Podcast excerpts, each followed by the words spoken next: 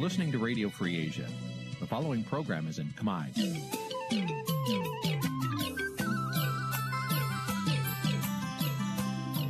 នេះជាកម្មវិធីផ្សាយ Vuthu Azizi Serai នេះជាកម្មវិធីផ្សាយរបស់ Vuthu Azizi Serai ជាភាសាខ្មែរ Vuthu Azizi Serai សូមស្វាគមន៍លោកអ្នកនាងទាំងអស់ពីរដ្ឋធានី Washington នៃសហរដ្ឋអាមេរិក ផ្សាយផ្ទាល់ពីរដ្ឋធានី Washington នាងខ្ញុំសកជីវីសូមជម្រាបសួរលោកអ្នកនាងកញ្ញាដែលកំពុងតាមដានការផ្សាយរបស់ Vuthu Azizi Serai ទាំងអស់ជាទីមេត្រីចាស់យើងខ្ញុំសូមជូនកម្មវិធីផ្សាយសម្រាប់យប់ថ្ងៃអង្គារ14រោចខែផុតត្របុត្រឆ្នាំឆ្លូវត្រីស័កពុទ្ធសករាជ2565ចាប់ត្រូវនៅថ្ងៃទី5ខែតុលាគ្រិស្តសករាជ2021ចាស់ជាដំបូងនេះសូមអញ្ជើញលោកអ្នកនាងស្ដាប់ព័ត៌មានប្រចាំថ្ងៃដែលមានមេត្តាដូចតទៅ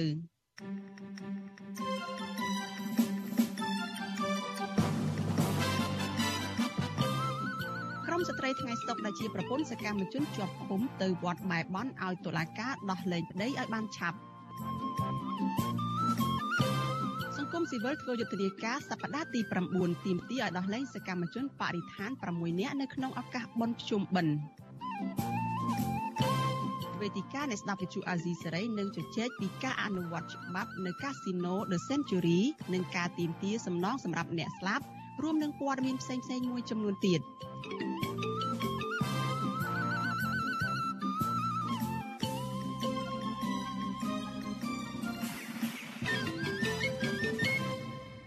ចាជាបន្តទៅទៀតនេះនាងខ្ញុំសុជីវីសូមជូនព័ត៌មានទាំងនេះពិស្ដាចលនានាងជាទីមេត្រីក្រមស្ត្រីដែលធ្វើការតវ៉ានៅរៀងរាល់ថ្ងៃសុក្រដែលជាប្រពន្ធសកម្មជនបកប្រឆាំងនោះបាននាំគ្នាទៅវត្តនៅថ្ងៃទី5ខែតុលានេះ ដើម្បីបែបបន់ឲ្យតុលាការទម្លាក់បទចោទនិងដោះលែងប្តីឲ្យមានសេរីភាពមកវិញ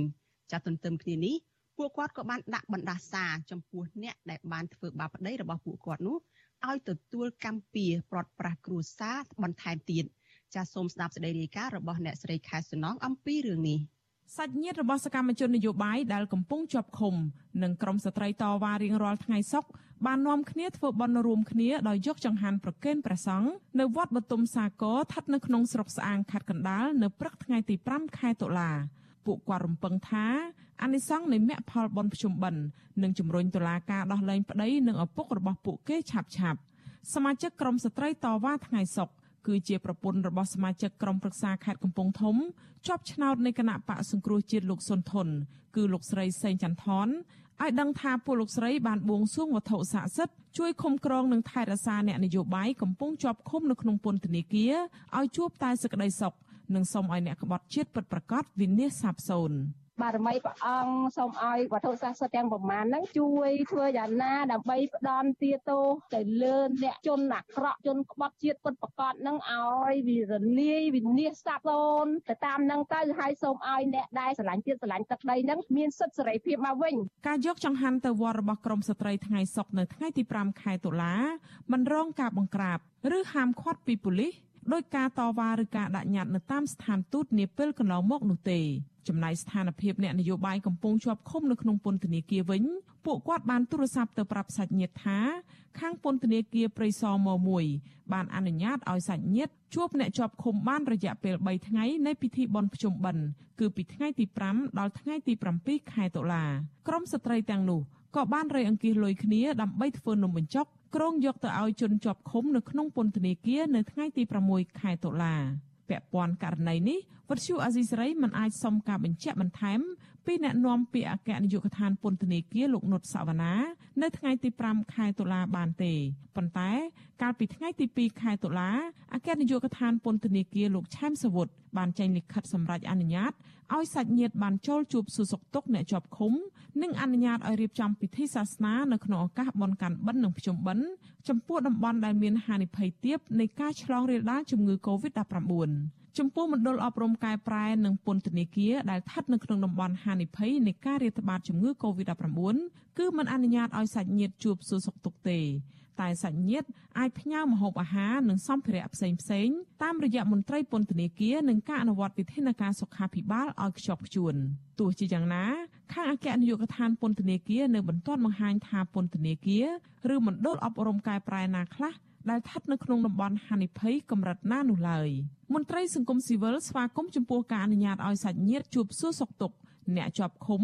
នឹងហៅការបែបបន់របស់ក្រមស្ត្រីទាំងនេះថាជាសិទ្ធិនៃជំនឿសាសនារបស់ប្រជាពលរដ្ឋអ្នកនាំពាក្យសមាគមការពារសិទ្ធិមនុស្សអាត់ហុកលោកសង្សានករណា ព្រួយបារម្ភថាបើស្ថានភាពនយោបាយនៅតែគ្មានដំណោះស្រាយដោយសពថ្ងៃនេះអាចជះឥទ្ធិពលមិនល្អ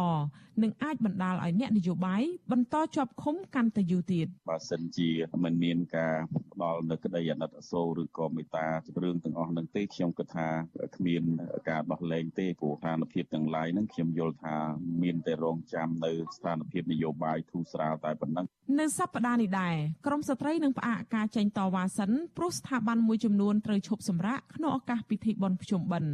ប៉ុន្តែនៅថ្ងៃសុក្រសប្តាហ៍ក្រោយពួកគាត់នឹងយកញត្តិទៅដាក់នៅតាមបណ្ដាស្ថានទូតនានាបន្តទៀតដើម្បីជំរុញឲ្យមានការដោះលែងប្តីរបស់ពួកគាត់ឲ្យមានសេរីភាពវិញអញ្ញាធររបបក្រុងភ្នំពេញបានចាប់ខ្លួនសកម្មជននយោបាយ សកម្មជនសង្គមសកម្មជនសិទ្ធិមនុស្សនិងបរិស្ថានជិត90នាក់ដាក់ពន្ធនាគារដោយចោទប្រកាន់ពីបទញុះញង់រួមគំនិតក្បត់ជេរប្រមាថរដ្ឋាភិបាល និងបទប្រមាថព្រះមហាក្សត្រសង្គមស៊ីវិលជាតិនិងអន្តរជាតិនិងក្រុមអ្នកជំនាញសិទ្ធិមនុស្សនៃអង្គការសហប្រជាជាតិបានទាមទាររបបក្រុងភ្នំពេញបញ្ឈប់ការធ្វើទុកបុកម្នេញការចាប់ខ្លួនសកម្មជនតាមទំនឹងចាត់បន្តទៀតនិងត្រូវដោះលែងពួកគេឲ្យមានសេរីភាពឡើងវិញ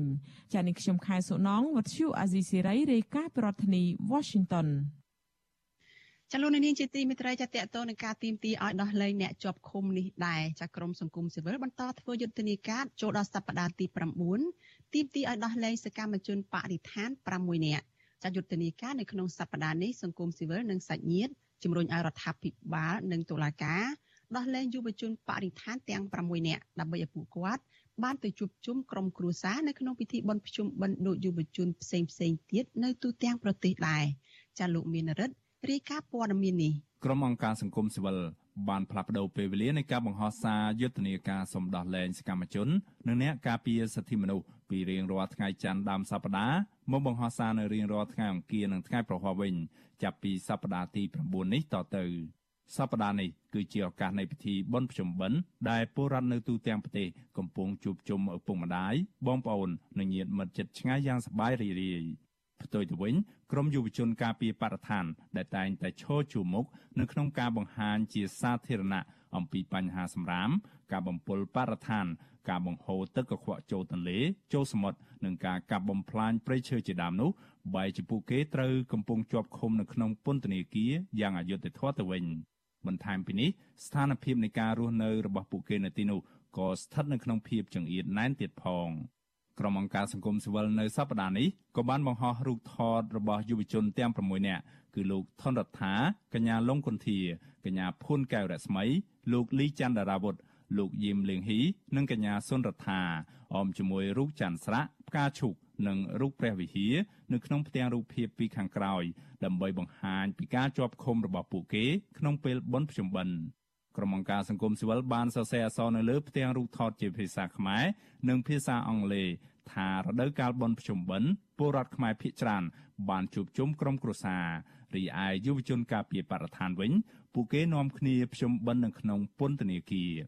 សង្គមស៊ីវិលបានស្នើសុំឲ្យពលរដ្ឋគ្រប់គ្រងនិងលើកទឹកចិត្តនៅរាល់សកម្មភាពរបស់សកម្មជនយុវជនបរិស្ថានទាំង6នាក់នេះព្រមទាំងសុំឲ្យពលរដ្ឋចូលរួមជួយចែករំលែករូបភាពទាំងអស់នេះផងប្រធានផ្នែកកម្មវិធីស្រាវជ្រាវនឹងតស៊ូមតិនៃសមាគមបណ្ដាញយុវជនកម្ពុជាឬ CYN លោកហេងកំហុង សោកស្ដាយចំពោះសមត្ថកិច្ចដែលបានបន្តឃុំខ្លួនយុវជនបរិស្ថានទាំង6នាក់នេះមិនឲ្យពួកគាត់បានទៅជួបជុំក្រុមគ្រួសារដោយពលរដ្ឋដទៃគណៈសកម្មភាពកន្លងមករបស់ពួកគាត់គឺជាការការពារផលប្រយោជន៍រួមសុទ្ធសាធ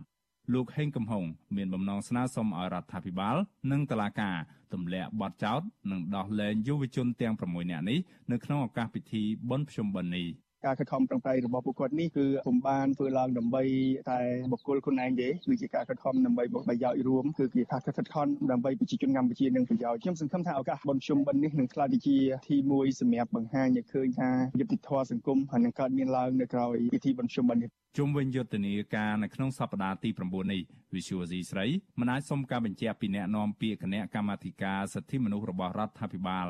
លោកកតាអូននិងអ្នកនាំពាក្យរដ្ឋាភិបាល លោកផៃសិផានបាននៅឡើយទេក៏ប៉ុន្តែទោះជាយ៉ាងណា លោកកតាអូនធ្លាប់ប្រាប់វិសុយស៊ីស្រីថាសិទ្ធិនៃការធ្វើយុទ្ធនាការនេះមិនអាចមានអត្តពលទៅដល់សេចក្តីសម្រេចណាមួយរបស់តុលាការនោះទេចំណែកសាច់ញាតិរបស់យុវជនការពីបរិស្ថានទាំង6នាក់វិញពួកគេក៏ចង់ជួបមុខកូនប្រុសកូនស្រីរបស់ពួកគេ នៅក្នុងពិធីបុណ្យភ្ជុំបិណ្ឌនេះដោយពលរដ្ឋផ្សេងទៀតដែរ ម្ដាយរបស់យុវជនលីចន្ទរាវុធដែលសុំមិនបញ្ចេញឈ្មោះឲ្យដឹងថាចាប់តាំងពីសមត្ថកិច្ចចាប់កូនប្រុសយកទៅឃុំខ្លួននៅក្នុងពន្ធនាគារមកលោកស្រីមិនដែលបានជួបមុខកូនផ្ទាល់នោះទេគឺលោកស្រីអាចឮសំឡេងកូន បានតែតាមទូរស័ព្ទតែប៉ុណ្ណោះហើយយូរយូរម្ដងទើបកូនប្រុសអាចហៅទូរស័ព្ទមកបានតែយ៉ាងណាលោកស្រីទំនងជានឹងបានជួបមុខកូននៅក្នុងពេលបុណ្យភ្ជុំបិណ្ឌនេះព្រោះយុវជនលីចន្ទរាវុធបានទូរស័ព្ទមកប្រាប់លោកស្រីថា មន្ត្រីពន្ធនាគារអនុញ្ញាតឲ្យសាច់ញាតិមកជួបបាននៅរយៈពេល3ថ្ងៃនៃបុណ្យភ្ជុំបិណ្ឌនេះលោកស្រីត្រៀមធ្វើសម្លការីមួយឆ្នាំងធំដើម្បីយកទៅឲ្យកូនប្រុសនិងយុវជនការពារបរិស្ថានផ្សេងទៀតហូបនៅក្នុងពេលបុណ្យភ្ជុំបិណ្ឌ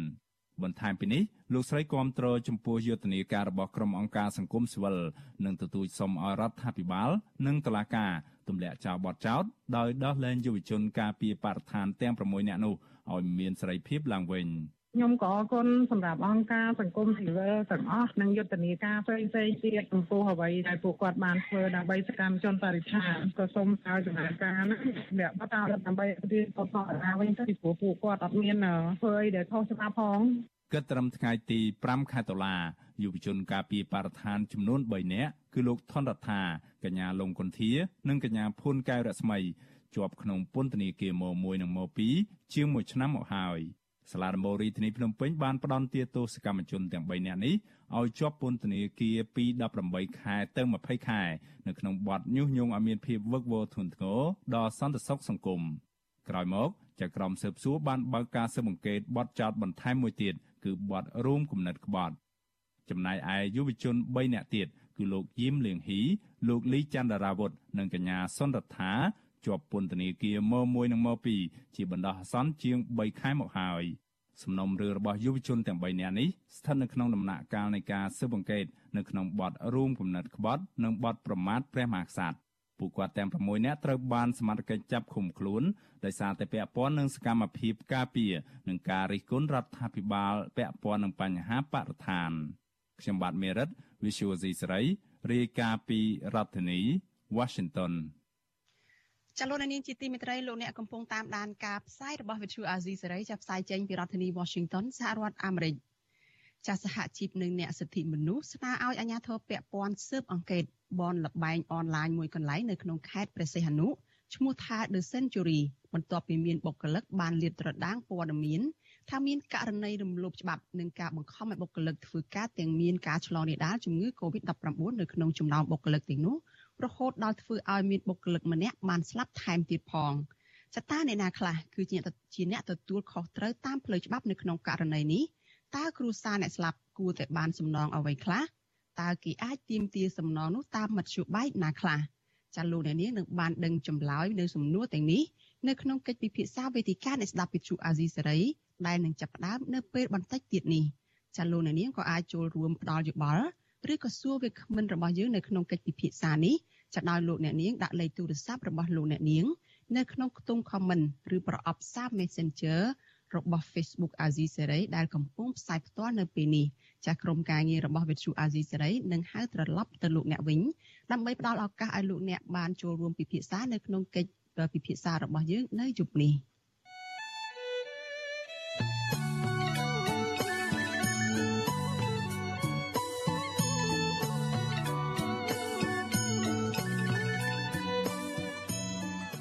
លោកនាងជាទីមេត្រីលោកនាងអាចស្ដាប់ការផ្សាយរបស់វិទ្យុអាស៊ីសេរីចាដំណើរគ្នានឹងការផ្សាយតាមបណ្ដាញសង្គម Facebook និង YouTube នេះចាតាមរយៈវិទ្យុរលកធាតុអាកាសខ្លី SW ចាតាមកម្រិតនិងកម្ពស់ដូចតទៅនេះពេលព្រឹកចាប់ពីម៉ោង5កន្លះដល់ម៉ោង6កន្លះតាមរយៈរលកធាតុអាកាសខ្លី13715 kHz ស្មើនឹងកម្ពស់ 22m និងពេលយប់ចាប់ពីម៉ោង7កន្លះដល់ម៉ោង8កន្លះ តាមរយៈរលកធាតុអាកាសខ្លី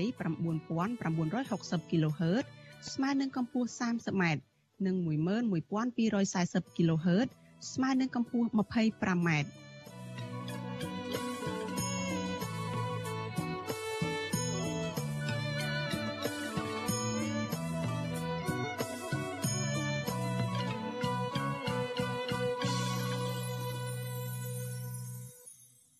លោកនាងកញ្ញាប្រិមិត្តជាទីមេត្រីចាតតទៅនឹងការឆ្លងរាលដាលជំងឺ Covid-19 វិញម្ដងចាអ្នកជំងឺ Covid-19 ចំនួន12អ្នកទៀតបានស្លាប់ដែលធ្វើឲ្យករណីអ្នកស្លាប់កើនឡើងដល់ជាង2418អ្នកគិតត្រឹមថ្ងៃទី5ខែតុលាចំពោះករណីឆ្លងថ្មីវិញគឺមានជាងគឺមាន228អ្នកក្នុងនោះ3អ្នកគឺជាករណីដែលនាំចូលពីក្រៅប្រទេស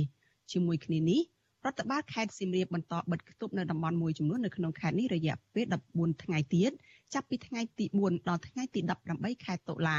ចាវិធានការនេះអាជ្ញាធរបានហាមឃាត់ប្រជាពលរដ្ឋមិនឲ្យធ្វើដំណើរនៅក្នុងភូមិសាស្ត្រខេត្តនេះចាប់ពីម៉ោង9យប់ដល់ម៉ោង3ទៀបភ្លឺដើម្បីទប់ស្កាត់ការរាតត្បាតជំងឺ Covid-19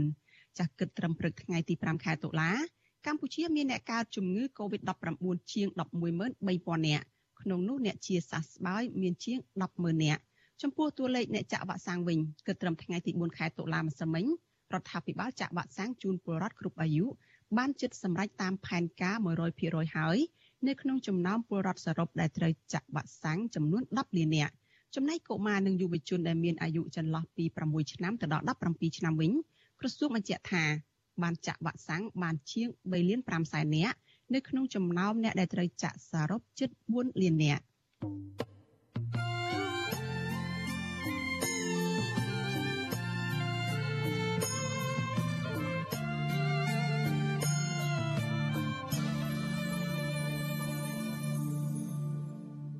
ចាលោកនាងកញ្ញាប្រិមិត្តជាទីមេត្រីចាងាកមកព័ត៌មានតកតនឹងរឿងរ៉ាវផ្នែកនយោបាយឯនេះវិញ ចាស់គណៈបកប្រឆាំងនៅក្រៅប្រទេសនិងពលរដ្ឋខ្មែរអាមេរិកមួយចំនួនកំពុងជំរុញទៅសហគមន៍អន្តរជាតិឲ្យជួយស្វែងរកឱកាសកែប្រែស្ថានភាពនយោបាយនៅកម្ពុជាឲ្យបានល្អប្រសើរឡើងវិញនៅមុនការបោះឆ្នោតអាណត្តិថ្មីចូលមកដល់នៅក្នុងឆ្នាំ2022និងឆ្នាំ2023ខាងមុខជាមួយគ្នានេះនៅឯក្នុងស្រុកឯនោះវិញគណៈបកនយោបាយតូចតូចមួយចំនួនក៏កំពុងរៀបចំផែនការច្របាច់បញ្ចូលគ្នា ដើម្បីកម្លាំង ដើម្បីឲ្យមានកម្លាំងរឹងមាំទៅចូលរួមការប្រកួតជាមួយនឹងគណៈបកកាន់អំណាចដែរចាត់តាក់ទងនឹងបញ្ហានេះយើងនឹងអញ្ជើញអ្នកវិភាគនយោបាយមកឲ្យឆ្លុះបញ្ចាំងអំពីរឿងនេះចាដោយមានលោកសេកបណ្ឌិតជាអ្នកសម្របសម្រួលចាឥឡូវនេះយើងសូមជួបជាមួយលោកសេកបណ្ឌិតបន្តិចសិនចាមុននឹងទៅដល់កិច្ចសម្ភារនោះចាជំរាបសួរលោកសេកបណ្ឌិតចាបាទសូមជំរាបសួរអ្នកសេសុជីវីបាទ ចាលោកសេមរិទ្ធនៅពេលដែលទៅជួបអ្នកវិភាគនយោបាយនៅពេលបន្តិចទៀតនេះតើលោកនឹងសាកសួរគាត់អំពីចំណុចសំខាន់សំខាន់អ្វីខ្លះចាបាទខ្ញុំបាទនឹងលើកយកនៅទស្សនវិជ្ជានយោបាយចុងក្រោយពាក់ព័ន្ធនឹងការជំរុញរបស់គណៈបកប្រឆាំងនិងពលរដ្ឋខ្មែរអាមេរិកកាំងមួយចំនួនព្រមទាំងអង្គការសង្គមស៊ីវិលនានាទៅលើទៅសហគមន៍អន្តរជាតិឲ្យដាក់សម្ពាធទៅលើគណៈបកកណ្ដាលអំណាចគឺរបបដឹកនាំដោយលោកហ៊ុនសែនហើយតើ នឹងពិនិត្យមើលបញ្ហាមួយចំនួនទៀតដែលដូចអ្នកស្រីលើកអំបញ្ញមិញនេះការច្របាច់បញ្ចូលគ្នារបស់គណៈបកតូចទៅនៅក្នុងស្រុកឯនោះវិញទស្សនវិជ្ជាអស់ទាំងនេះតើអាចជំរុញឲ្យឬមួយក៏រុញច្រានឲ្យលោកនាយករដ្ឋមន្ត្រីហ៊ុនសែននឹងងាកមករកតុកចរចានយោបាយដើម្បីបញ្ចប់វិបត្តិនយោបាយនៅក្នុងប្រទេសកម្ពុជានៅមុនការបោះឆ្នោតនោះឬមួយក៏យ៉ាងណាបាទសូមលោកនាងរងចាំស្ដាប់បទសម្ភាសន៍របស់ខ្ញុំបាទជាមួយនឹងអ្នកវិភាគនយោបាយជុំវិញរឿងនេះនាពេលបន្តិចទៀតនេះកុំបីខានបាទ ចាអរគុណច្រើនលោកសេបណ្ឌិតហើយលោកនាងនឹងបានដឹងរឿងរ៉ាវពីស្ថានភាពនយោបាយនៅមុនពេលបោះឆ្នោតមកដល់នេះដោយលោកសេបណ្ឌិតនឹងសាកសួរអ្នកវិភាគចាអញ្ចឹងជំរាបលាលោកសេបណ្ឌិតត្រឹមប៉ុណ្ណឹងចាលោកនាងនឹងបានជួបលោកសេបណ្ឌិតនៅពេលបន្តិចទៀតនេះបាទសូមអរគុណជំរាបលា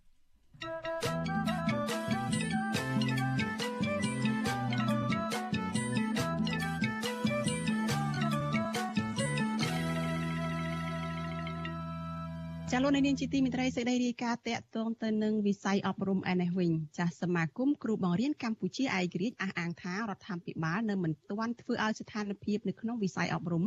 និងសិទ្ធិសេរីភាពរបស់គ្រូបង្រៀននោះបានល្អប្រសើរទៅតាមអនុសាសន៍របស់អង្គការពលកម្មអន្តរជាតិនិងអង្គការវិទ្យាសាស្ត្រនិងអប់រំរបស់អង្គការសហប្រជាជាតិនោះនៅឡើយទេចាប់ប៉ុន្តែមន្ត្រីជាន់ខ្ពស់ក្រសួងអប់រំថាកំពុងតែអនុវត្តតាមគោលការណ៍ដោយយុត្តិធម៌តម្លាភាព និងបានទទួលលទ្ធផលដែលគួរតែអាចទទួលយកបានចាសសូមស្ដាប់សេចក្តីរាយការណ៍របស់លោកទីនសការីយ៉ាអំពីរឿងនេះទិវាគ្រូបង្រៀនថ្ងៃទី5ដុល្លារឆ្នាំនេះសមាគមគ្រូបង្រៀនកម្ពុជាអាយក្រិចបានដាក់ញត្តិទៅស្ថាប័នរដ្ឋសភារដ្ឋាភិបាល និងក្រសួងអប់រំដើម្បីលើកឡើងនៅបញ្ហានិងសំណុំពររបស់គ្រូបង្រៀនសសមាគមគ្រូបង្រៀនមើលឃើញថារយៈពេល28ឆ្នាំមកហើយកម្រិតស្ថានភាពគ្រូបង្រៀននិងវិស័យអប់រំនៅកម្ពុជា មិនទាន់ឆ្លើយតបទៅនឹងអនុសាសន៍របស់អង្គការពលកម្មអន្តរជាតិ ILO និងអង្គការអប់រំវិទ្យាសាស្ត្រនិងវប្បធម៌របស់អង្គការសហប្រជាជាតិ UNESCO ដែលរដ្ឋាភិបាលបានផ្ដល់សច្ចាប័នកន្លងមកនោះទេដោយសារតែប្រាក់ខែដែលរដ្ឋាភិបាលដំឡើងរាល់ឆ្នាំដល់គ្រូបង្រៀននៅទាបនៅឡើយមិនសមទៅនឹងអតិផរណាឬតម្លៃទំនិញគ្រប់មុខឡើងថ្លៃនៅលើទីផ្សាររីឯសិទ្ធិគ្រូបង្រៀនវិញកាន់តែរដ្ឋបတ်ដោយមានធានាដល់សិទ្ធិបញ្ចេញមតិ សិទ្ធិចូលរួមក្នុងសមាគមនិងសិទ្ធិចរចាជាដើម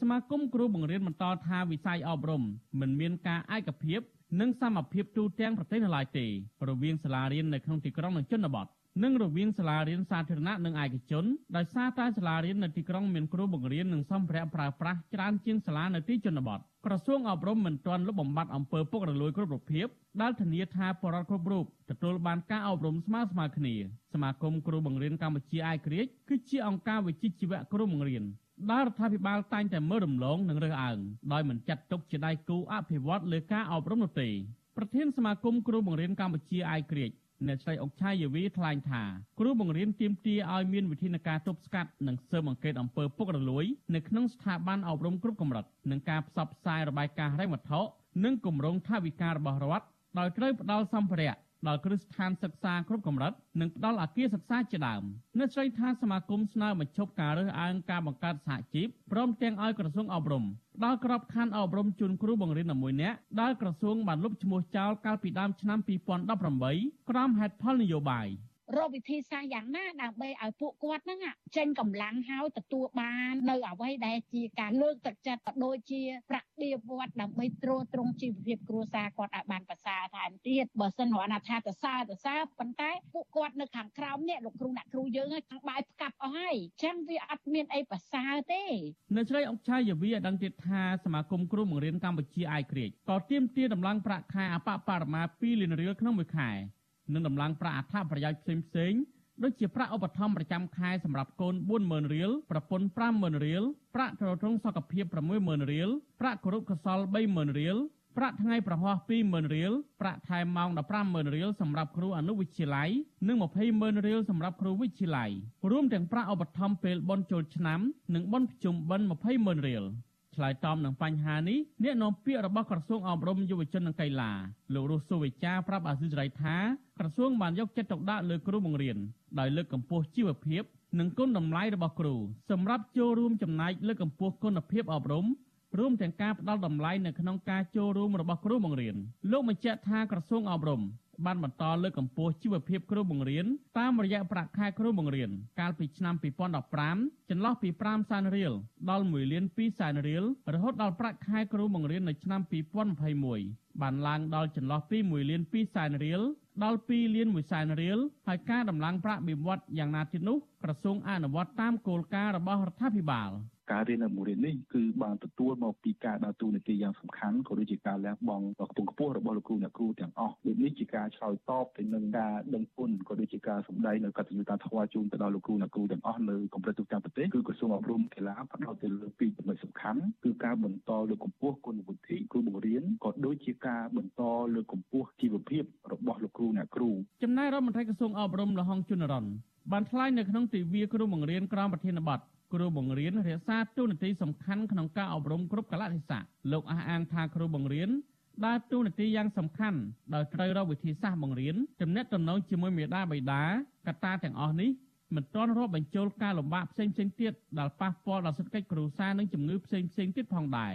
លោកថាសាលារៀននិងបន្ទប់រៀនបំពាក់ដោយឧបករណ៍បច្ចេកវិទ្យាទំនើបដើម្បីបំពេញសេចក្តីត្រូវការរៀនសូត្រតាមបែបវៃឆ្លាតដោយបន្ទប់រៀនវៃឆ្លាត បន្ទប់កុំព្យូទ័របន្ទប់ពិសោធន៍វិទ្យុសាស្ត្របណ្ណាល័យទំនើបនិងការប្រើប្រាស់អ៊ីនធឺណិតជាដើមទោះជាយ៉ាងណាគ្រូបង្រៀនមួយរូបនៅរាជធានីភ្នំពេញលោកឡុងរឹមសោកស្ដាយដល់រដ្ឋាភិបាលបន្តធ្វើទុកបុកម្នេញលើគ្រូបង្រៀនគ្រាន់តែអនុវត្តសិទ្ធិសេរីភាពរបស់ខ្លួនលោកឲ្យដឹងថាការរីករាលដាលជំងឺ Covid-19 គ្រូបង្រៀនបានប្រឹងប្រែងបំពេញកិច្ចការដោយមនសិការនិងចំណាយថវិកាផ្ទាល់ខ្លួនដើម្បីបង្រៀនតាមប្រព័ន្ធអនឡាញ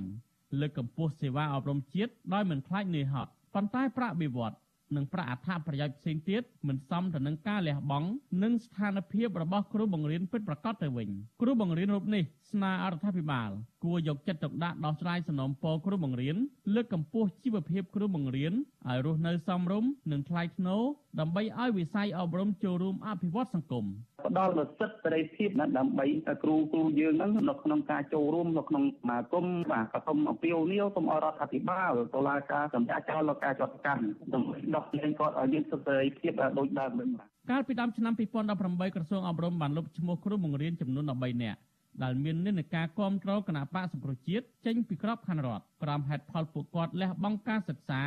និងអវត្តមានដោយគ្មានច្បាប់អនុញ្ញាតទោះជាយ៉ាងណាក្រុមគ្រូបង្រៀនអះអាងថាពួកគាត់បានបំពេញនីតិវិធីត្រឹមត្រូវមុននឹងទៅធ្វើសកម្មភាពនយោបាយជាមួយគណៈបកប្រឆាំងពួកគាត់អះអាងថាការបណ្ដឹងចេញពីក្របខ័ណ្ឌមន្ត្រីអប់រំនេះគឺដោយសារពួកគាត់មិនព្រមចុះចូលជាមួយគណៈបកកណ្ដាលអំណាចក្រោយពីការរំលាយគណៈបកសង្គ្រោះជាតិកាលពីឆ្នាំ2017 ក្នុងចំណោមគ្រូបង្រៀនដែលត្រូវបានលុបឈ្មោះចេញពីក្របខ័ណ្ឌនោះមាន3នាក់ត្រូវបានអាជ្ញាធររបបលហ៊ុនសែនចាប់ខ្លួនដាក់ពន្ធនាគាររួមមានលោករងឈុនលោកពៀតម៉ាប់និងលោកជុំច័ន្ទចំណែកឯគ្រូបង្រៀន2នាក់ផ្សេងទៀតនៅមានក្របខ័ណ្ឌរដ្ឋនៅឡើយតែត្រូវបានអាជ្ញាធរចាប់ខ្លួនដាក់ពន្ធនាគារដែរគឺលោកកៅថៃនិងលោកសុនថុនជាដើមគ្រូបង្រៀនទាំងនោះសុទ្ធតែរងការចាប់ប្រកាន់ដោយដូចគ្នាពីបទញុះញង់និងរួមគំនិតក្បត់លើកលែងតែលោករងឈុនម្នាក់ដែលជាប់ចោតត្រឹមបទញុះញង់ ខ្ញុំទីនសាការីយ៉ាអសិសរីប្រធានីវ៉ាស៊ីនតោនចលនានេះជាទីមិត្តរីលោកនាងទើបបានតាមដានព័ត៌មានប្រចាំថ្ងៃរបស់វិទ្យុអាស៊ីសេរីដែលជម្រាបជូនដល់នាងខ្ញុំសុជីវីចាជាបន្តទៅទៀតនេះគឺជានីតិវេទិកាអ្នកស្ដាប់វិទ្យុអាស៊ីសេរី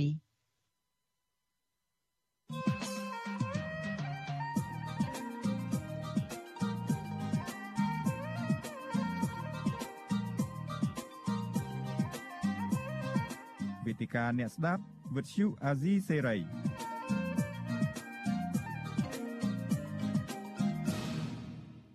ចានេះខ្ញុំសុជីវីសូមជម្រាបសួរជាថ្មីទៅដល់លោកអ្នកនាងដែលកំពុងតាមដានការផ្សាយរបស់វិទ្យុអាស៊ីសេរីនៅយុគនេះចានីតិវិទ្យាអ្នកស្ដាប់វិទ្យុអាស៊ីសេរីនៅយុគនេះចាយើងនឹងជជែកអំពីការអនុវត្តច្បាប់នៅឯកាស៊ីណូ The Century នៅក្នុងខេត្តព្រះសីហនុ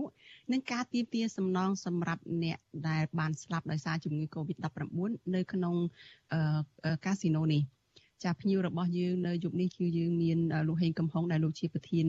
កម្មវិធីស្រាវជ្រាវនិងតស៊ូមតិនៃបណ្ដាញយុវជនកម្ពុជាចាហើយនឹងលោកអាត់ធុនដែលលោកជាប្រធានសហភាពការងារកម្ពុជា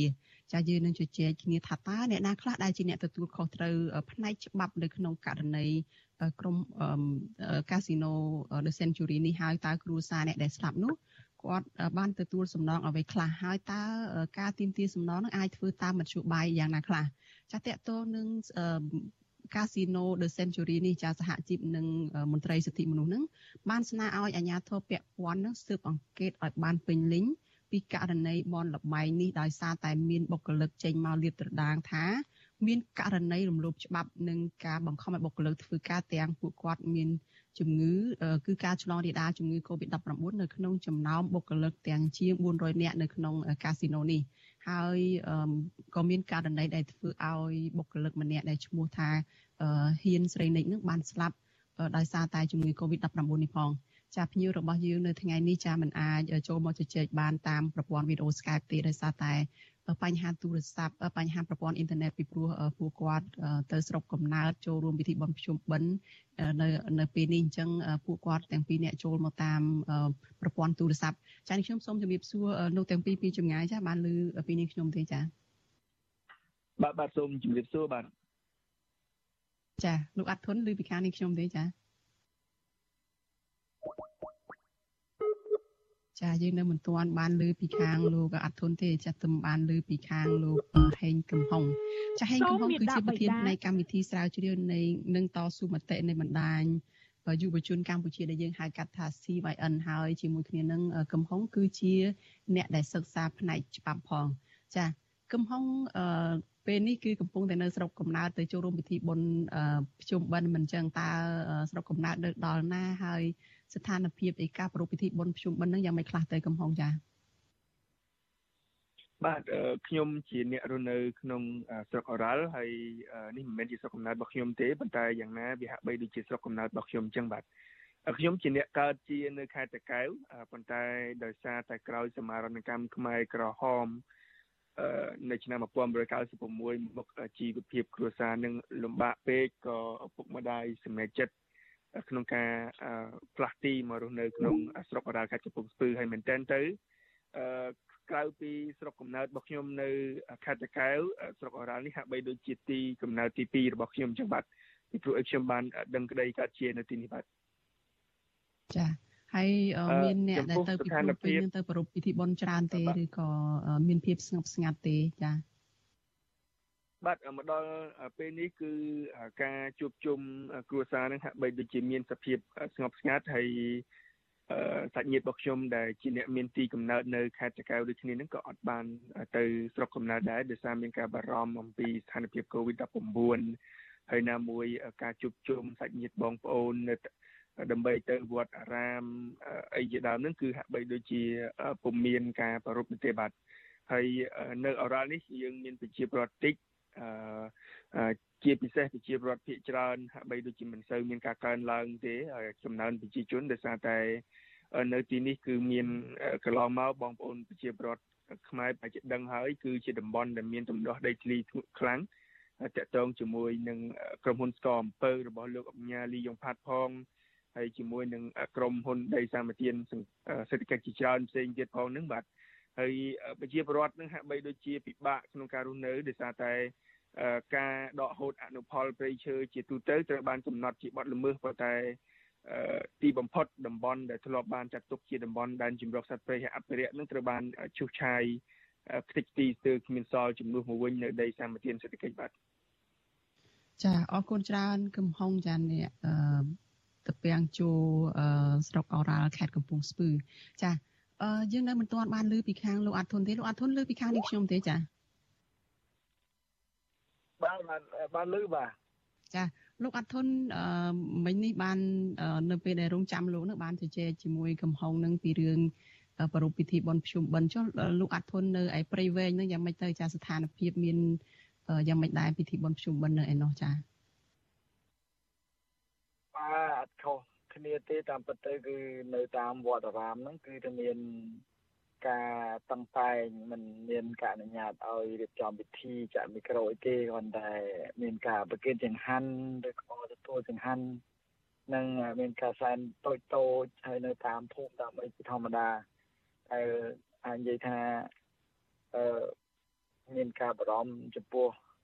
ការកើតកូវីដហ្នឹងហើយអាជ្ញាធរក៏មិនអនុញ្ញាតឲ្យមានការរៀបចំដោយសពមួយដងដែរបាទចា អរគុណច្រើនចាយើងចាប់ផ្ដើមកិច្ចពិភាក្សាយើងចូលទៅដល់ប្រធានបទដែលយើងត្រៀមថានឹងជជែកគ្នាតែម្ដងទៅចាលោកហេងកំហុងចាត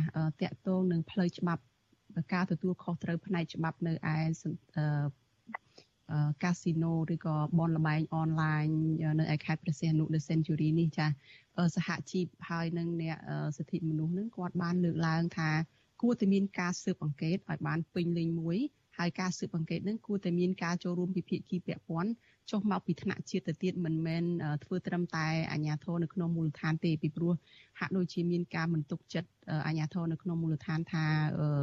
អាចនឹងធ្វើរឿងនេះបានដោយតម្លាភាពដោយយុត្តិធម៌សម្រាប់ក្នុងករណីនេះ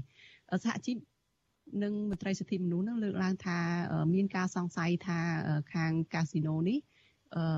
មានចំណុចដែលមិនស្របច្បាប់ជាច្រើនក្នុងនឹងរាប់ទាំងការដំណើរការអាជីវកម្មរបស់ខ្លួននៅពេលដែលរដ្ឋាភិបាលប្រកាសបិទលបែងអនឡាញចាទី1ទី2អំពីរឿងប្រើកិច្ចសន្យាដែលអាចមាននៃសេចក្តីជាការបង្ខាំងបុគ្គលិកមិនឲ្យចេញទៅក្រៅជាការបង្ខិតបង្ខំឲ្យពួកគាត់ត្រូវតែធ្វើការនៅក្នុងនឹង ជា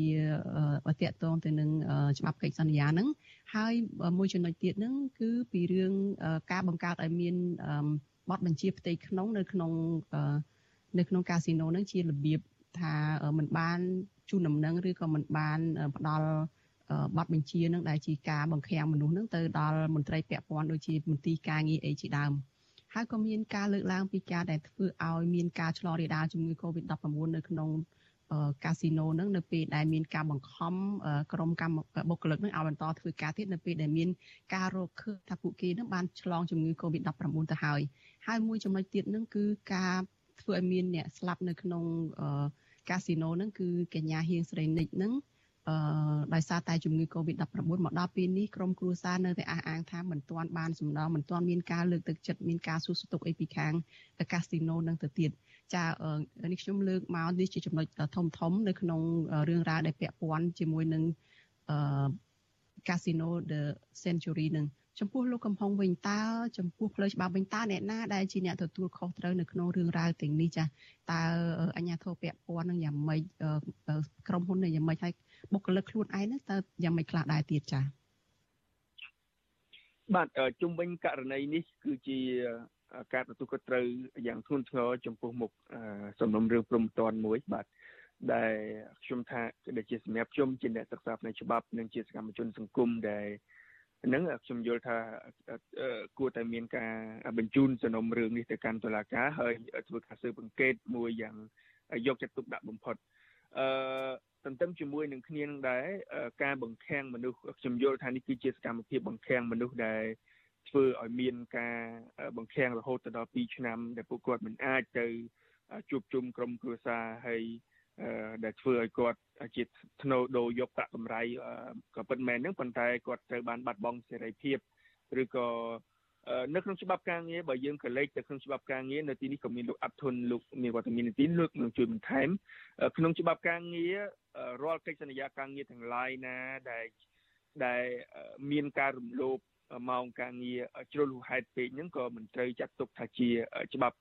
ការងារកិច្ចសន្យាការងារមួយដែលមានលក្ខណៈត្រឹមត្រូវដែរគឺយើងចាត់ទុកថាជាមានលក្ខណៈខុសច្បាប់ឬក៏មានវិការៈទៅតាមស្ថានភាពនោះហើយបើយើងក៏លេចមើលទៅរយៈពេលរហូតទៅដល់2ឆ្នាំហើយហើយកម្មករដែលនៅទីនោះនឹងលោកបានធ្វើកិច្ចការនៅទីនោះដោយមិនបានចេញពីកន្លែងធ្វើការហើយ មានការបញ្ចូលនៅមុខរបរ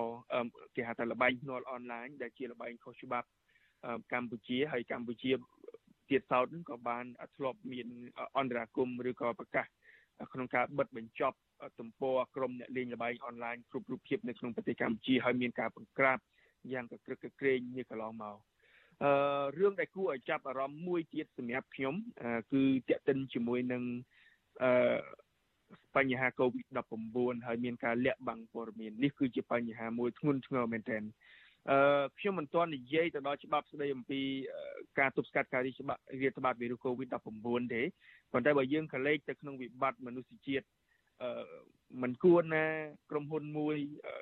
មានអឺការអនុវត្តសកម្មភាពយ៉ាងខ្ញុំនិយាយមួយម៉ាត់ថាយ៉ាងអាក្រក់ពីព្រោះអី នៅពេលដែលមានបុគ្គលិករបស់ខ្លួន មានវត្តមានវិជ្ជមាន COVID-19 ហើយមិនព្រមស្វះស្វែងស្វែងរកកិច្ចសហការគ្នាជាមួយនឹងមន្ត្រីជំនាញផ្នែកសុខាភិបាលឬក៏មន្ត្រីជំនាញផ្សេងផ្សេងទេផ្ទុយទៅវិញបែរជា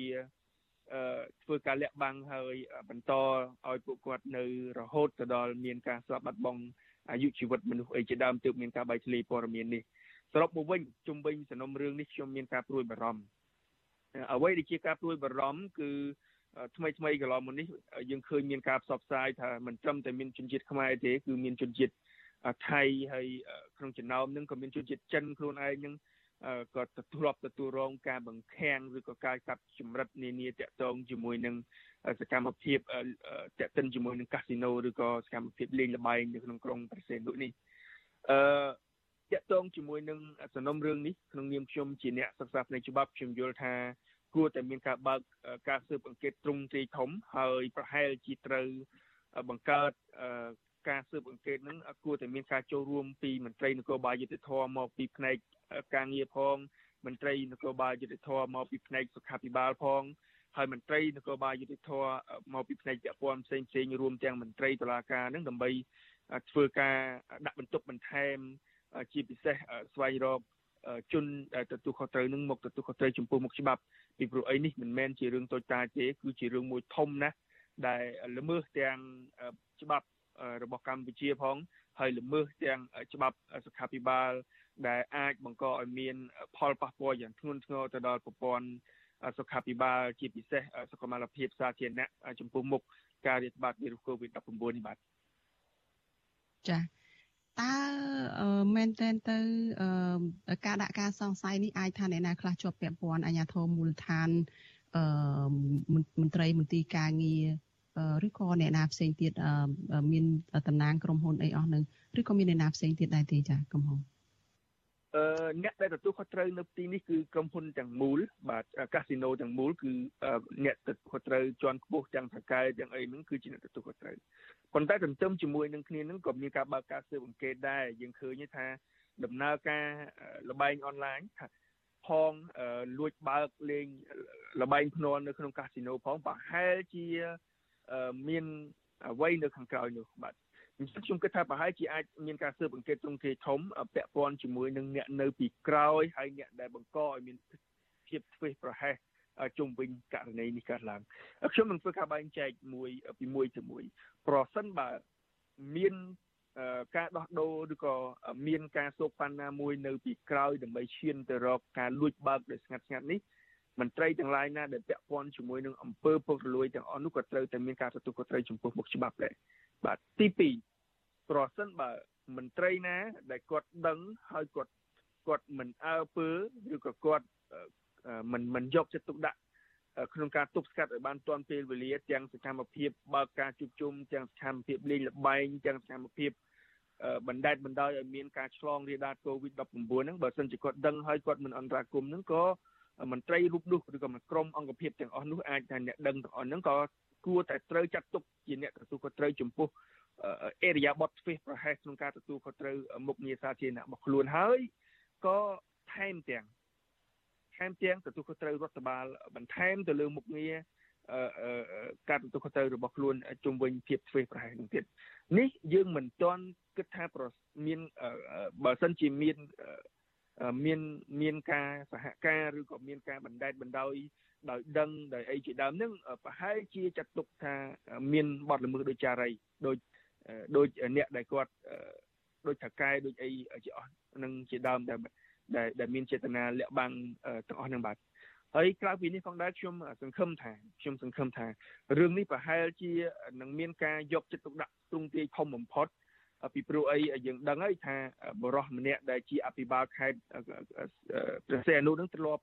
ត្រូវបានលោកនាយរដ្ឋមន្ត្រីហ៊ុនសែនចាត់ទុកជាបរោះខ្លាំងហើយខ្ញុំយល់ថាប្រហែលជាបរោះខ្លាំងដែលធ្លាប់ដែលមានការទទួលស្គាល់ពីនាយករដ្ឋមន្ត្រីនឹងគួរតែធ្វើការស៊ើបអង្កេតឲ្យខ្លាំងដែរគួរតែជាអ្នកនៅពីមុខនៃការស៊ើបអង្កេតឲ្យស្វែងរកមន្ត្រីរបស់ខ្លួនណាដែលពាក់ព័ន្ធទាំងមន្ត្រីទាំងថៅកែទាំងអ្នកពាក់ព័ន្ធផ្សេងទៀតដែលជាសហចារីនៃរឿងនេះនឹងមកទទួលខុសត្រូវចំពោះមុខច្បាប់ដោយពុំមានអ្នកណាម្នាក់ត្រូវបានលើកលែងនោះទេបាទ ចា៎អភិបាលខេត្តប្រសិទ្ធអនុគឺលោកគួចចម្រើនចានៅក្នុងទំព័រ Facebook នៃរដ្ឋបាលខេត្តប្រសិទ្ធអនុនឹងវាឃើញថាចាប់ពីមានចាប់ពីពេលដែលក្រុមបុគ្គលិកនឹងចាប់ផ្ដើមបង្ហោះសារនៅតាមបណ្ដាញសង្គម Facebook រាយរាប់ពីរឿងរ៉ាវដែលពួកគាត់ជួបប្រទះពីរឿងការរំលោភច្បាប់នៅឯកាស៊ីណូ The Century នឹងអឺ ក៏មានការឆ្លើយតបពីខាងរដ្ឋបាលខេត្តបរសៀនុនឹងដែរចាំមានទាំងការចេញលិខិតថាយកចិត្តទុកដាក់ចំពោះករណីនេះហើយមិន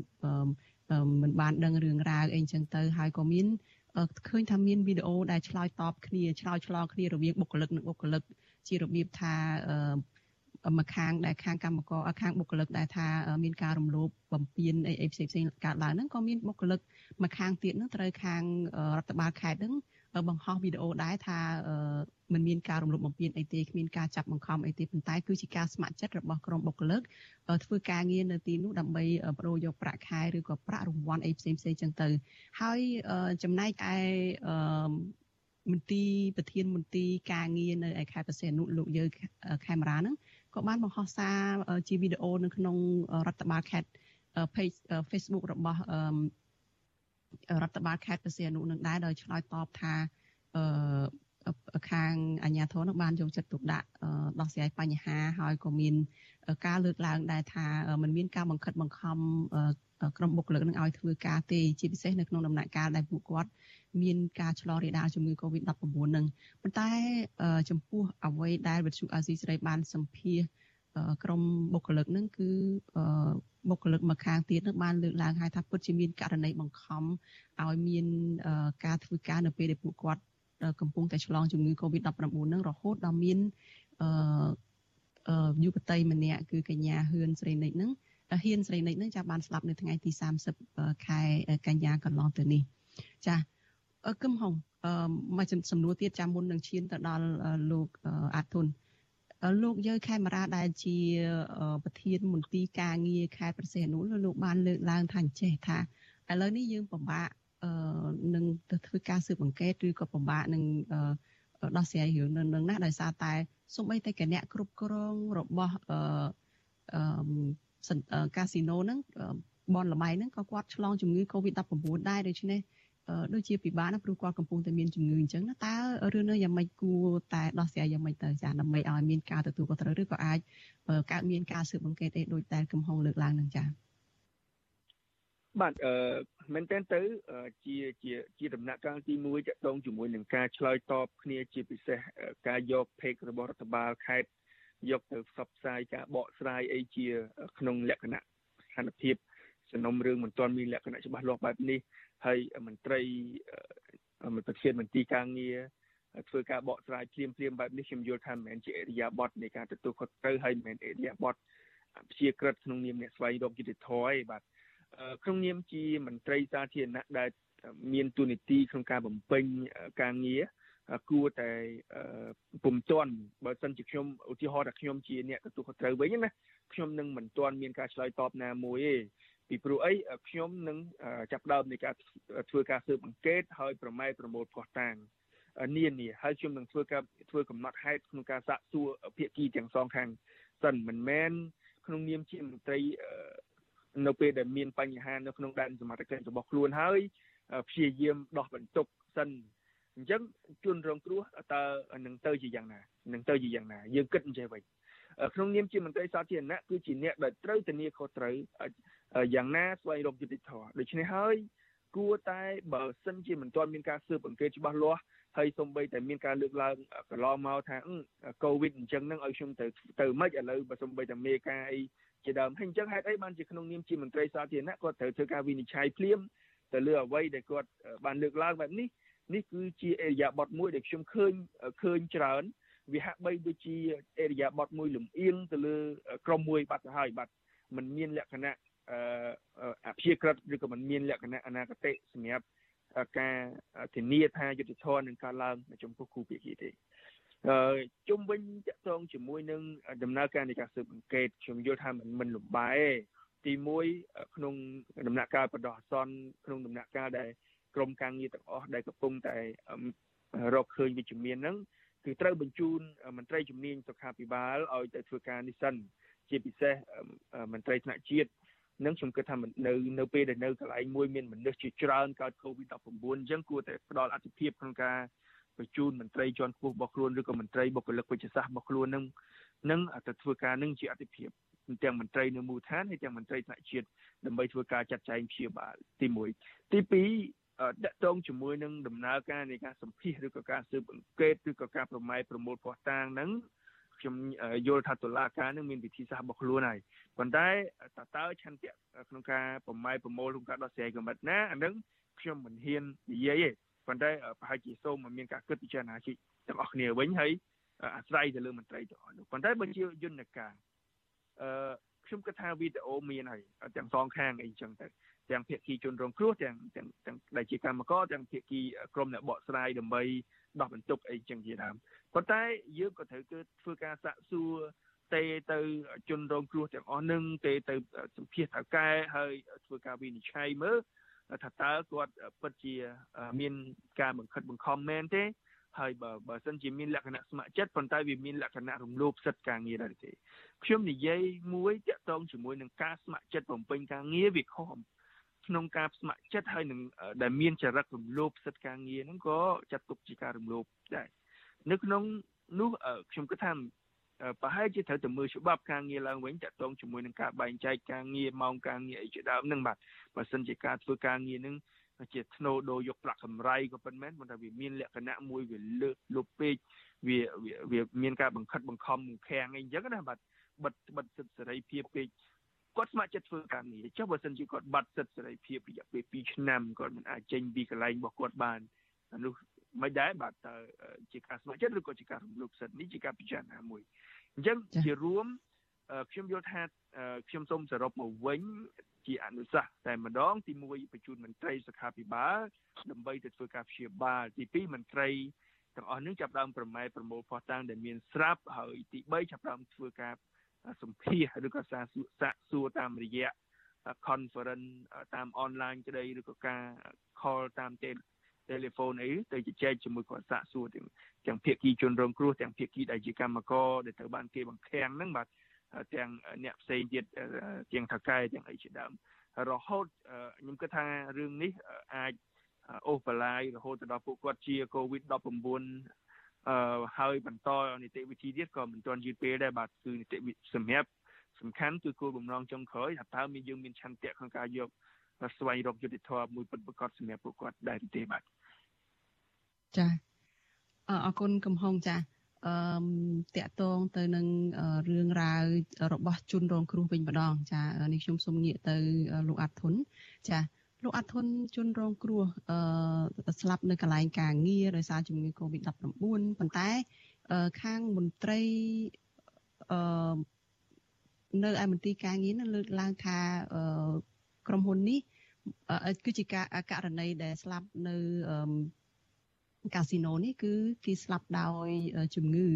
ដូច្នេះដូចជាមិនជាប់ពាក់ព័ន្ធអីនឹងការដែលអាចទៅទាមទារសំណងបានពីបសសអីចឹងទៅ តើអ្នកណាជាអ្នកទទួលខុសត្រូវហើយសំណងហ្នឹងគួរតែបានរបៀបមិនខ្លះទៅចាសម្រាប់គាត់ដែលស្លាប់នេះចាបាទអរគុណនាងហើយគោរពនឹងជម្រាបសួរទៅដល់បងប្អូនជនរួមជាតិហើយក៏ជម្រាបសួរដល់កំហុងផងអឺពាក់ព័ន្ធករណីនៃនៃការស្លាប់នេះហើយពាក់ព័ន្ធការទៀមទាសំណងនេះវា វាពាក់ព័ន្ធទៅនឹងប្រភេទនៃកិច្ចសន្យានិងប្រភេទនៃការទទួលបានសមាជិកភាពនៃបេឡាជាតិសន្តិសុខសង្គមអញ្ចឹងវាភ្ជាប់ពាក់ព័ន្ធបើនិយាយឲ្យខ្លីទៅគឺខ្ញុំចង់បញ្ជាក់ថាប្រសិនជាក្រុមហ៊ុននេះមកបានមកកើតរកស៊ីនៅប្រទេសកម្ពុជាដោយមិនមានច្បាប់ឬក៏មានច្បាប់ក៏ដោយប៉ុន្តែតាម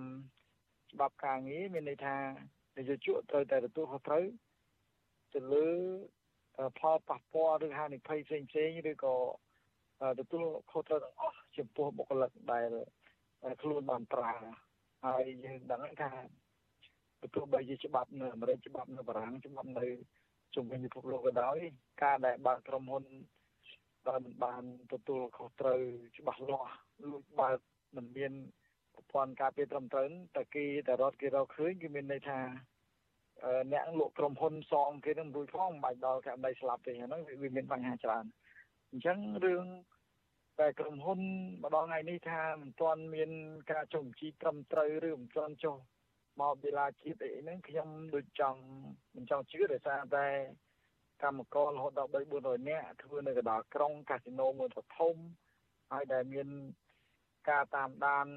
ដោយដោយខ្លាំងក្លាជាពិសេសគឺអភិបាលខេត្តថ្មីចុះទៅនេះគឺថាគឺជាអ្នកដែលចុះទៅមើលអាបទល្មើសចឹងចឹងទៅហើយហើយនេះបានជាអនុញ្ញាតឲ្យបើកដោយមិនមានអឺការចុះបញ្ជីឬក៏ស្របច្បាប់ឯកើតណាហ្នឹងយើងមិនគួរជឿទេហើយករណីសំណងចេះបើសិនជាក្នុងករណីដែលគាត់នេះកើតឡើងដោយគ្រោះថ្នាក់ការងារបើនិយាយពីច្បាប់ការងារកាលណាគាត់មានកិច្ចសន្យាឬក៏គ្មានកិច្ចសន្យាប៉ុន្តែគាត់ធ្វើការ ឲ្យគេទៅឲ្យទទួលទទួលប្រាក់ជាប្រចាំគេហៅថាកម្មករហើយហើយបុគ្គលិកកម្មករហើយអញ្ចឹងរាល់ហានិភ័យដូចខ្ញុំបានលើកឡើងមកឧទាហរណ៍ថាមានអ្នកនៅគ្រោះថ្នាក់ការងារទាំងធ្វើដំណើរទាំងគ្រោះថ្នាក់នៅកន្លែងការងារទាំងជំងឺដែលកើតឡើងពីការងារហ្នឹងគឺនឹងយកជួបត្រូវពុះខុសត្រូវហើយក្នុងករណីអ្នកនឹងស្លាប់គឺនយោជកក៏ត្រូវទទួលខុសត្រូវក្នុងការបង់ថវិកា ជូនទៅកូនប្រពន្ធឬក៏អ្នកដែលចាស់ជានៅក្នុងអន្ទុកហ្នឹងទៅតាមច្បាប់ដែលបានកំណត់ហើយកន្លងមកដោយសារតែការទទួលខុសត្រូវនៅមានកម្រិតបានជាគេបង្កើតឲ្យមានវេលាជាតិរបបសង្គមហ្នឹងសម្រាប់ទទួលយកនៅអឺគេហៅថាសេវាកម្មផ្នែកសន្តិសុខសង្គមហ្នឹងគឺគ្រោះថ្នាក់ការងារនិង បញ្ហាផ្សេងៗពីពីក្រុមហ៊ុនប៉ុន្តែក្រុមហ៊ុនតម្រូវឲ្យមានការចុះបញ្ជីតម្រូវឲ្យមានការ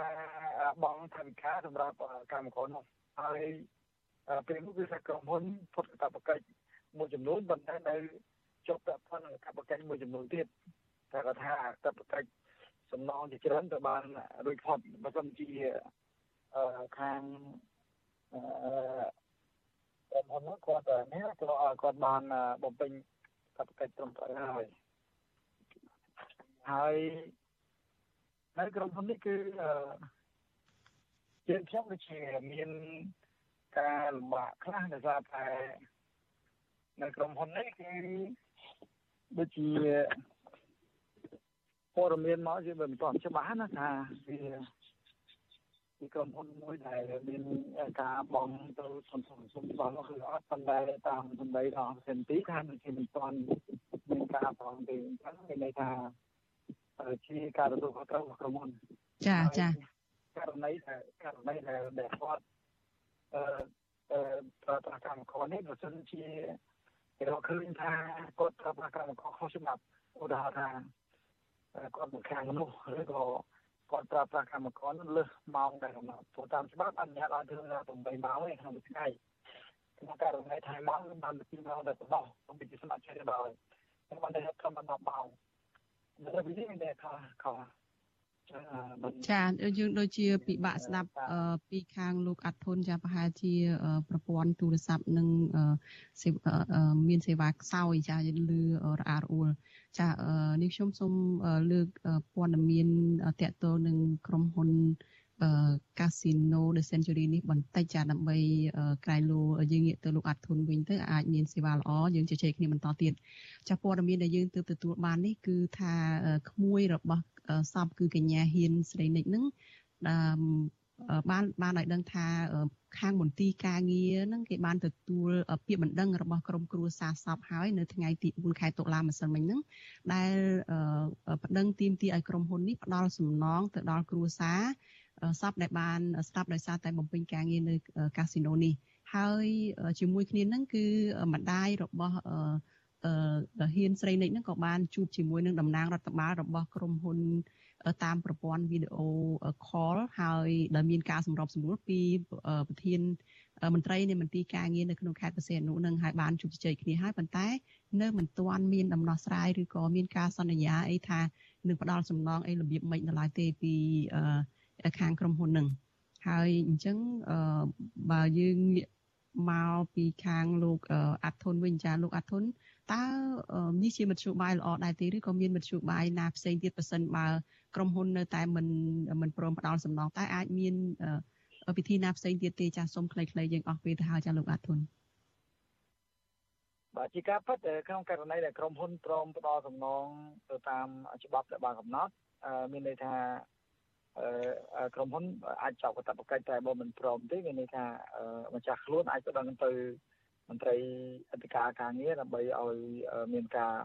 បងហ្នឹងឬបើសិនជាគាត់នៅតែមិនមិនផ្ដល់ទេមានន័យថាយើង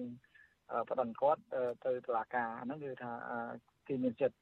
ហើយសំណងនោះច្រើនបើសិនជាគាត់ប្រើប្រាស់នៅក្នុងកិច្ចសន្យាមួយដែលដែលមានការបង្ខំនោះមានន័យថាគាត់អាចជាប់ទោសពីរឿងបទទុំទាន់ផ្សេងទៀតបើសិនជាការងារដោយបង្ខំឬក៏បង្ខាំងមនុស្សខុសច្បាប់ដើម្បីប្រើ ហើយរឿងមួយទៀតបើសិនជាជាប់ពាក់ព័ន្ធនៅក្នុងការប្រើនេះហើយរហូតដល់គាត់ស្លាប់នៅក្នុងពេលដែលគាត់ធ្វើការមានន័យថាអឺកូននឹងគឺត្រូវបានទទួលគេផ្ដល់ឲ្យបើសិនគាត់មានគ្រួសារគឺទៅឲ្យទៅប្តីនិងទៅកូនរហូតដល់បើកូនទៅអាយុ18ឆ្នាំចិញ្ចឹមទៅតាមភាគរយដែលបានកំណត់ហើយបើប្តីក៏ត្រូវការប្រពន្ធថ្មីហើយនឹងចាស់ជារៀននៅក្នុងបន្ទុកអញ្ចឹងនេះគឺជាកាតព្វកិច្ចដែលក្រុមហ៊ុនធ្វើបង ហើយបើសិនជាពុំដូច្នោះទេគាត់អាចនិយាយថាក្រុមហ៊ុនហ្នឹងគឺខុសច្បាប់អញ្ចឹងគឺគាត់នៅតែបន្តការប្តឹងទៅរដ្ឋាភិបាលឬក៏មន្ត្រីអធិការនោះដើម្បីចុះធ្វើការអង្កេតនិងបន្តទៅតុលាការហើយចំពោះពាក់ព័ន្ធរឿងនេះខ្ញុំក៏អត់ខុសកំហុសដែរថាវាជាករណីមួយដែលវាពាក់ព័ន្ធទៅនឹងការប្រើប្រាស់កម្មករដោយមិនអនុញ្ញាតឲ្យចេញមកក្នុងរយៈពេលយូរហើយវាអាចចូលទៅនឹងការ បង្ខាំងបើសិនជា